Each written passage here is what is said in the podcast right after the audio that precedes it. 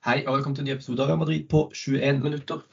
I dag skal vi prate om eh, Real Madrids 3-0-seier mot eh, Elche i går. Eh, fortsatt ubeseira. Eh, og det toget som er Angelotti sitt Real Madrid-lag, det er umulig å stoppe om dagen.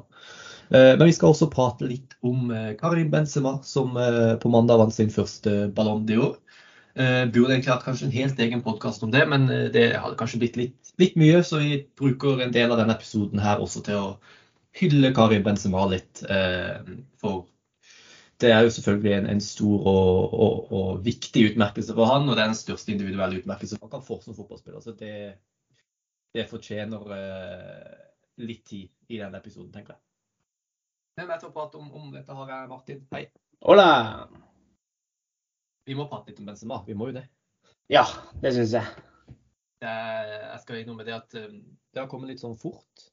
Eh, det kom litt fort på meg at han skulle vinne at, altså Vi har jo visst veldig lenge at han skulle vinne gullballen. sant? Um, jeg lurer på om det var i forrige uke at jeg leste og nå er det fire dager til, så, så får Benzema gullballen.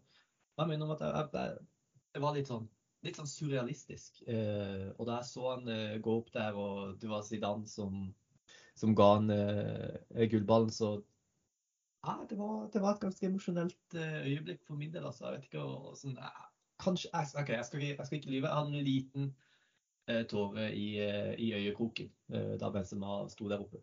Jeg vet ikke, Var du like emosjonelt investert som det jeg var, eller? I aller høyeste grad. Jeg vet at vi to var på ingen måte alene. Det var eh, Det var noe veldig vakkert over at det var Zinedine Zidane som skulle gi eh, gullballen til Karim Benzema. Eh, uten at jeg husker detaljene her, så har vel Zidane uttalt at Benzema er eh, nærmest den broren siden han aldri si, fikk. Eh, og de har jo et utrolig tett bånd. Og hvis man analyserer eh, noen år tilbake, eh, så var det liksom Det var jo veldig lenge sterk, sterk, sterk kritikk mot Karim Benzema. Og var det én som sto ved hans side, så var det Zinedine Zidane.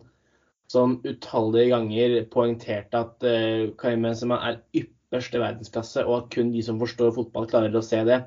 Og da er det jo ikke annet enn en gledens dag når også resten av verden klarer å se det. Så som du sier, Kristian, altså det ville vært en skandale eh, at han ikke skulle vinne den, så vi var veldig sikre. Men når da eh, Zenin Zidane eh, stråler oppe på den scenen, får den konvolutten, og det liksom skal være spenning, og så trekker han ut Altså, han påpeker 'Å, så spennende'. Eh, og når han da liksom trekker ut konvolutten og bare sier Karim Benzema. Og du ser liksom Benzema spasere opp der, og det, er så broderlig mellom Benzema og Zidane. Og nei, det, det var rett og slett eh, en meget, meget vakker seanse. Det er ikke så veldig mange andre måter å beskrive det på. Nei, og Ballon er jo en sånn hva skal jeg si, en litt sånn, Det er jo i hvert fall en kontroversiell kåring, pleier det å være. sant? Det, ofte uenighet om, om hva, hva, slags kriterier man skal legge til grunn for, for, å vinne gullballen, og hva slags kriterier man selv som fotballsupporter mener eh, at skal legges til grunn, avhenger også veldig ofte av hvem du vil at skal vinne. Eh, mener man at det viktigste er å skåre mye mål, så vil man gjerne at Lewandowski skal vinne. Vi hadde noen trofeer, så vil man gjerne at eh, Ronaldo skulle vinne tidligere. sant? Eller eh, Kanté eller Jorginho, sånne type spillere. Um, så jeg føler alltid det har vært kontroversielt. Jeg kan ikke huske én Ballon d'Or hvor alle har vært helt enige om at dette var den spilleren som fortjente å vinne. Uh, nettopp pga. det, at det er uenighet om kriteriene. Men dette må være den minst, uh, den minst overraskende Ballon d'Or-utmerkelsen noensinne. Uh, eller ikke noensinne, men som jeg kan huske. null uenighet, alle visste hvem som skulle vinne. Det var ingen som var i nærheten av det Benzema leverte i fjor. Og det var liksom sånn, det var den største selvfølgelighet at det var han som skulle gå opp og, og plukke med seg den gullballen. Og det føltes annerledes denne gangen enn det har gjort med, med Ballon d'Or tidligere. Eh, for det har jo stort sett vært Messi eller Ronaldo som har plukka de opp.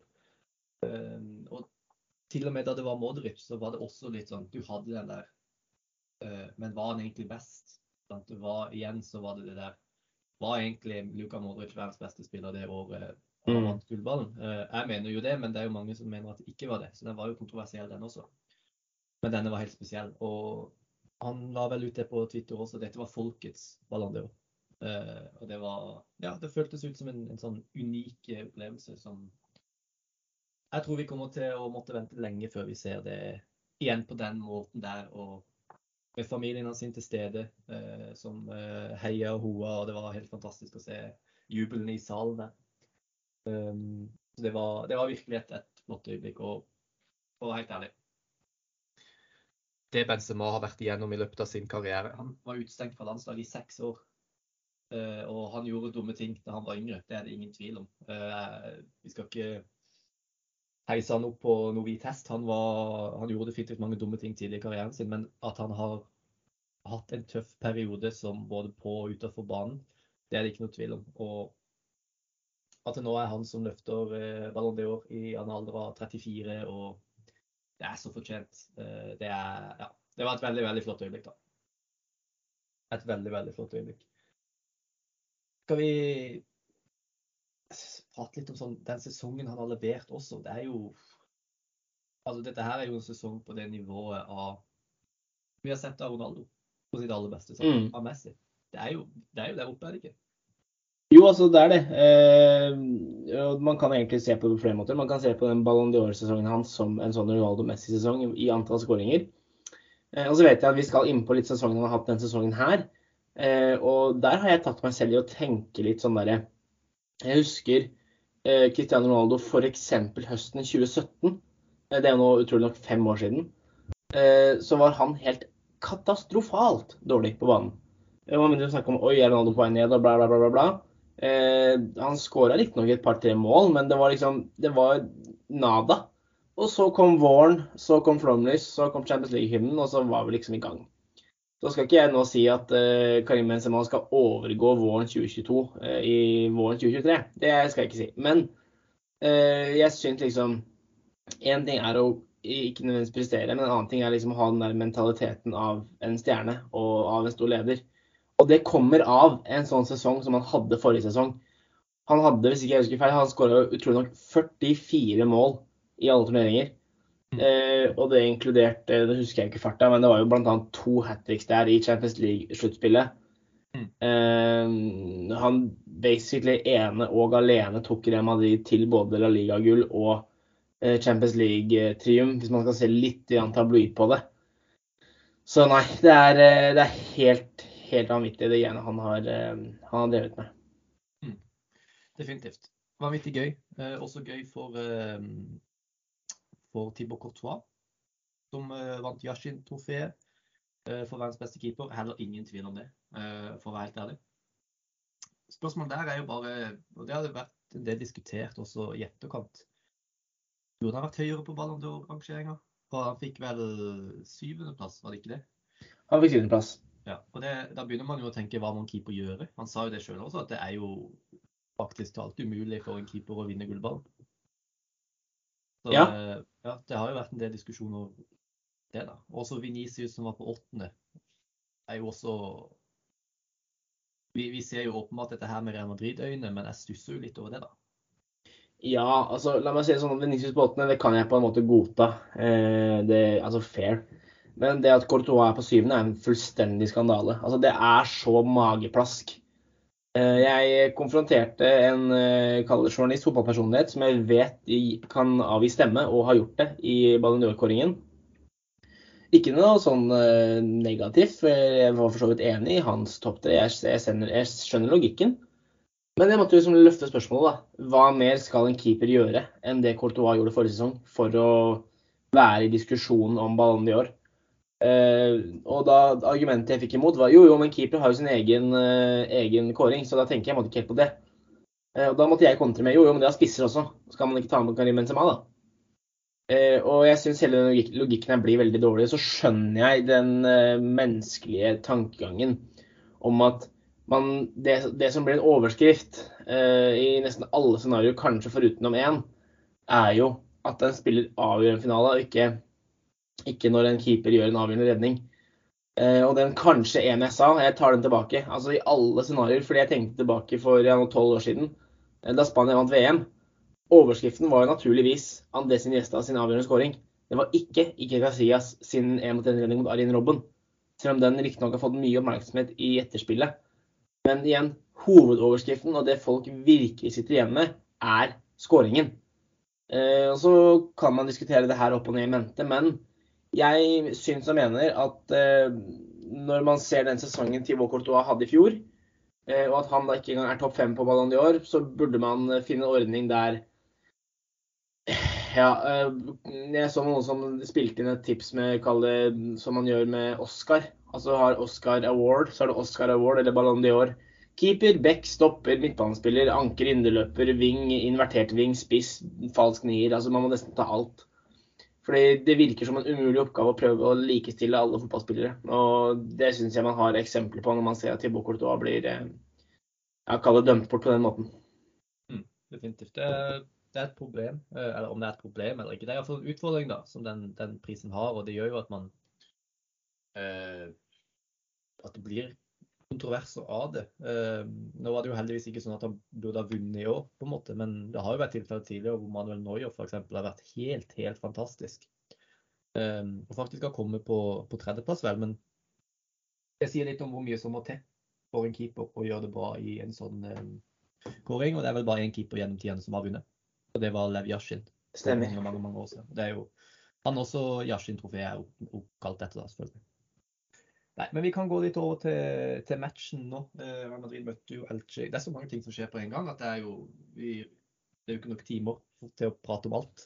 Eh, vi tar litt om Elche-kampen nå. Karim som har en fin overgang til det. Uh, slitt litt så langt denne sesongen med skader og ikke helt uh, ikke helt Avslutningene har ikke sittet helt, touchene, pasningene har ikke helt vært der. Men i går da var han virkelig tilbake på sitt beste. Real Madrid skårer seks mål. Kampen ender 3-0. Eh, Karim Benzema er involvert i det aller, aller meste.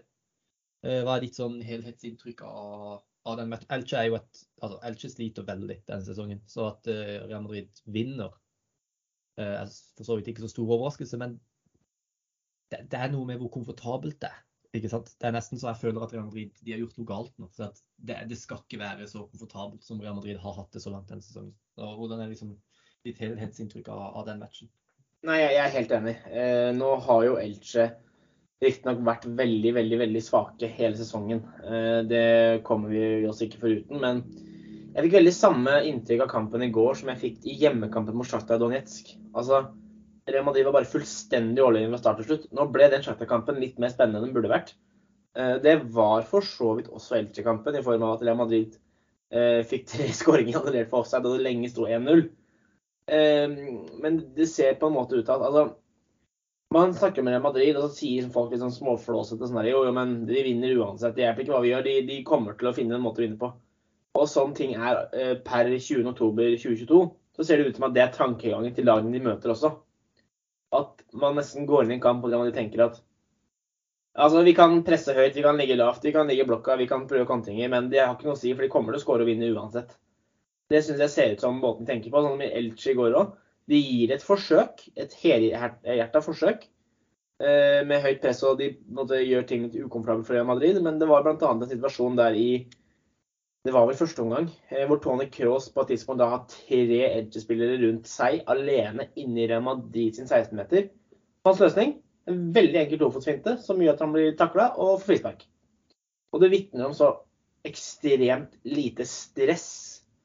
Eh, og det, det, er bare veldig fascinerende. Eh, og så er jo jeg De som kjenner meg godt, de vet at jeg er en pessimist av rang. Så jeg er jo overbevist om at Real kommer til å få tidenes slag i trynet.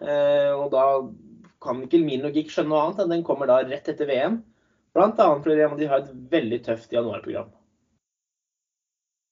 Ja, det er urealistisk å tro at Real Madrid kommer til å fullføre denne sesongen ubeseira. Um, men de, nå, er, nå, er, det snart november, uh, og de har fortsatt ikke tapt en kamp. og ja, Hvis ikke det skal komme mot Barcelona, hvem skal det komme mot da? Sant? Det blir jo de tøffe Champions League-kampene. og altså, Real Madrid kommer til å rote bort poeng i, i løpet av denne sesongen. Men akkurat nå så går det på skinner, og ja eh, av grunnen til det tror jeg er at som vi har prata litt om tidligere, det er så mange spillere i dette Real Madrid-laget som har tatt på steg bare fra forrige sesong også. Um, Real Madrid vant Champions League i fjor, og det er flere spillere som har tatt enda flere eh, flere steg. Jeg skal gå gjennom litt hvordan målene er fordelt i år, for jeg har skrevet ned noen tall her. og det er eh, ekstremt imponerende. Det sier litt om, om hvor eh, skal man si, eh, fleksibelt, eh, hvor allsidig dette Real Madrid-laget har blitt. Med at det er ikke bare Benzema som skårer målene lenger.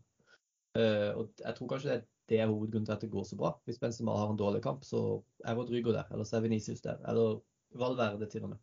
Benzema har vært skada også? Ja, han har vært skada også. Real Madrid har ikke sett noe dårligere ut. Og det er imponerende. Eh, så jeg skal bare gå gjennom de spillerne nå. Rodrigo han har fem mål og fem assist. Venicius Junior har syv mål og fire assist. Valverde har seks mål og to assist. Benzema har seks mål og én assist. David Alaba har to mål og tre assist. Luka Modric har to mål og to assist. Og så har du i tillegg Jeg bare slang med Rydiger også, for jeg liker Rydiger. Og Rydiger har to mål. Da, altså, det er åpenbart at Real Madrids angrep ikke lenger er så avhengig av Benzema som det har vært før. Um, og jeg tenker at hvis du da setter inn en Benzema i toppform i dette angrepet her, uff, da, da lukter det, da lukter det både gull og, og, og, Champions League og hele pakka. Så er, hva tenker du om det? Altså, det må jo være en styrke at Real Madrid har en såpass allsidig og fleksibel angrepsrekke hvor, hvor alle bidrar med mål og målpoeng. I aller høyeste grad. Eh, jeg må jo si at hvis man tenker litt tilbake, da. altså Nå er det fire år siden Cristiano Ronaldo forlot klubben. Det er fire år siden Karim Benzema gikk fra å være eh, kalle servitør til goalgetter. Eh, og en ting jeg tenker på, er jo Og vi har snakka om det her mange ganger. Hva gjør man når Karim Benzema er skada? Eh, det er bra at Karim Benzema skårer så mye, men det er ikke bra at så mange, det er så mange av de andre som ikke skårer mye. Eh, og Det har vi messa veldig mye opp og ned om. Eh, men man ser jo nå at de skåringene til Karim Benzema har holdt skipet flytende mens andre spillere rundt han har fått utvikle seg. Da tenker jeg primært på Venezia Junior og Rodrigo for å liksom sentrere angrepet.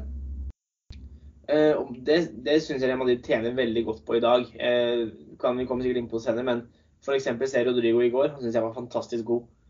Eh, og så har Angelotti gjort noen veldig små, men ekstremt dyktige grep som har bare Altså, jeg har tenkt flere ganger på det uten å si det høyt. Forrige gang Angelotti var i Madrid, så var liksom genistreken at han tok og gjorde Angel Di Maria fra høyre kant til indreløper. Noe som tilførte veldig mye energi inn på midtbanen. Eh, og nå har han basically tatt Federico Valverde fra indreløper til høyre kant. Eh, så det, det syns jeg er litt morsom. Eh, og det har jo også resultert i mye mer skåringer fra Federico Valverde, særs denne sesongen her. For den høyre kant, høyre midtbane, høyre bekk, høyre hva du vil. Løsningen den ble jo ikke innført før sånn midtveis i forrige sesong. Og han virker mye mer komfortabel der nå. Eh, og igjen litt den derre ja, men De har den der selvtilliten om at det kommer til å ordne seg, som gjør at man tør å kaste litt flere folk i angrep. Eh, man tør å tenke Man tenker konsekvens, men man er såpass selvsikre. Og det gjør også sånn som Jeg tenker på den ene av de tre eh, annullerte skåringene i går. Eh, hvor Alaba kommer fra venstrebekk og spiller dobbel vegg. så setter ballen i mål. Eh, altså, Det å ha selvtilliten til å prøve noe sånt, det gjør du ikke hvis du er livredd for forsvareren som scorer på deg første kontring. Eh, og det synes jeg var litt, altså det psykologiske aspektet her synes jeg er litt fascinerende. Så nei, det er, eh, det er, rett og slett veldig veldig gøy å være Madrid-supporter om dagen. Det er ikke så fryktelig mange andre måter å oppsummere det på. Nei, definitivt. Det er, og det er mye ungt. sant? Uh, Venicius, Rodrigo, Alverde, Chuameni. Det er jo vanskelig å ikke på en måte bli uh, være positiv til framtida, da. Og det er så gøy å se at disse spillerne får muligheten, de får muligheten til å, uh, til å på en måte vise seg fram på banen. De får friheten til å gjøre det de er best på. Og det er kanskje det jeg syns er mest imponerende med, med Carl Angelotti som trener, er at han erkjenner på en måte at han kan ikke fortelle Benzema hva han skal gjøre. Han kan ikke fortelle Venicius hva han skal gjøre sånn direkte. Um, han anerkjenner at de vet best hva de skal gjøre sjøl, men han gir dem en ramme, han gir dem frihet til å gjøre dette, som gjør at det flyter. Og så treffer han veldig ofte, hvis han gjør sånne taktiske grep, som han ikke gjør så veldig ofte. Men f.eks. med Federico Valverde, så treffer han som regel veldig godt. Det samme med, med Rodrygo inn som en sånn eh, andre spiss, da, sammen med Benzema, som vi har sett til tider denne sesongen. Det går kjempebra. Så ja, det er, der går alarmen også for sju minutter. Det er harmoni i Real Madrid om dagen. Eh, Det er gøy å se. Og ja, det er en dans på roser akkurat nå. Det, det må jo være lov å si. Absolutt. Ja. Eh, og en annen ting jeg tenkte på også, er jo det at Real Madrid i denne matchen velger å benke uh, Fernand Mendy, eller å gi han hvile. er Det ganske imponerende å bare kunne sette inn Antonio Rüdiger. Og flytte Mendy ut på, på back. Den, altså, dybden i laget er jo også helt enorm om dagen. Kan det ikke ha noe med det å gjøre også? Sant? At Tidligere forrige sesong måtte man gjerne sette inn Marcelo hvis man skulle benke, benke Mendy, og nå er det jo noe helt annet. da. Til og med bare å kunne sette inn Rudiger istedenfor Nacho er jo en enorm oppgradering. Så jeg vet ikke hva du tenker. Det, det må jo ha noe med det å gjøre også. Ja, altså det, det er det ingen tvil om. Uh, jeg må si at jeg syns Rydiger har uh, vokst litt på meg. Jeg var ikke så begeistra for anskaffelsen av han til å begynne med. Men uh, man ser litt sånn den bredden han tilfører Real Madrid-laget nå, og det er eh, veldig imponerende. Så ja, jeg er helt enig. Eh, og vi har snakka litt om det tidligere i sesongen, den muligheten, eller den taktiske fleksibiliteten man har. Eh, Man går inn i en klassiko, der eh, er det ikke nødvendigvis sånn at man skal tenke konsekvens foran alt annet, men man kan analysere seg fram til åssen kampbildet han møter. Da Da er det Falla Mendy og Oriage Chouameni som ja, skaffer en fantastisk defensiv soliditet. Så skal man bort til Elche, en sånn typisk kamp hvor det kan lugge litt, og man må ha liksom, det må være veldig rask ballbehandling og samtlige bevegelser og ja, veldig godt offensivt spill da, for å ofte da bryte en dyp blokk. Tar man ut de to nevnte i stad, eh, setter inn Rydiger på stopper, dytter Alaba et hakk til venstre. Mye mer spillende offensiv back. Eh, man eh, holdt på å si, tar egentlig ut Chouameni og setter inn Rodrigo. Gjør litt rokeringer. Kroos blir den dype sentrale midtbanespilleren som styrer spillet med sin taktpinne. Eh, og man får et angrep som flyter veldig veldig godt. Og det er jo en sånn taktisk fleksibilitet som man på ingen måte skal ta vekk fra Anslotti. For det her er jo spillere altså Rydiger, Chouameni, det er spillere man henta i sommer. Eh, Alaba hentet man i fjor sommer. Den hadde riktignok ikke med Anslotti så veldig mye å gjøre. Men det er liksom det å se muligheter ikke se begrensninger som er uh, veldig veldig viktig i den sammenhengen der. Definitivt. Ja, nei, det var kanskje det vi hadde tid til i dag. Eh, Det er jo match allerede på lørdag. Da er det Sevilla på Santiago Bernabeu. Det er jo stor match. Sevilla sliter litt denne sesongen. Baka Jolene Lopetegi uh, inn med hva han heter Sampaoli, Jorge Sampaoli. som jo er en, en karakter, for å si det mildt. Absolutt. Eh, Så det burde bli, bli spennende. Og det er jo også da Karim Benzema skal få vise fram uh, sin Ballon d'Or til, til Santiago Bernabeu. Så det, det blir kult. Det blir et, eh, et flott øyeblikk, det også. Veldig Takk for at du var med i dag, Martin. Det var en sann glede. Takk til alle dere som hørte på. Og til neste gang. Adam Madrid.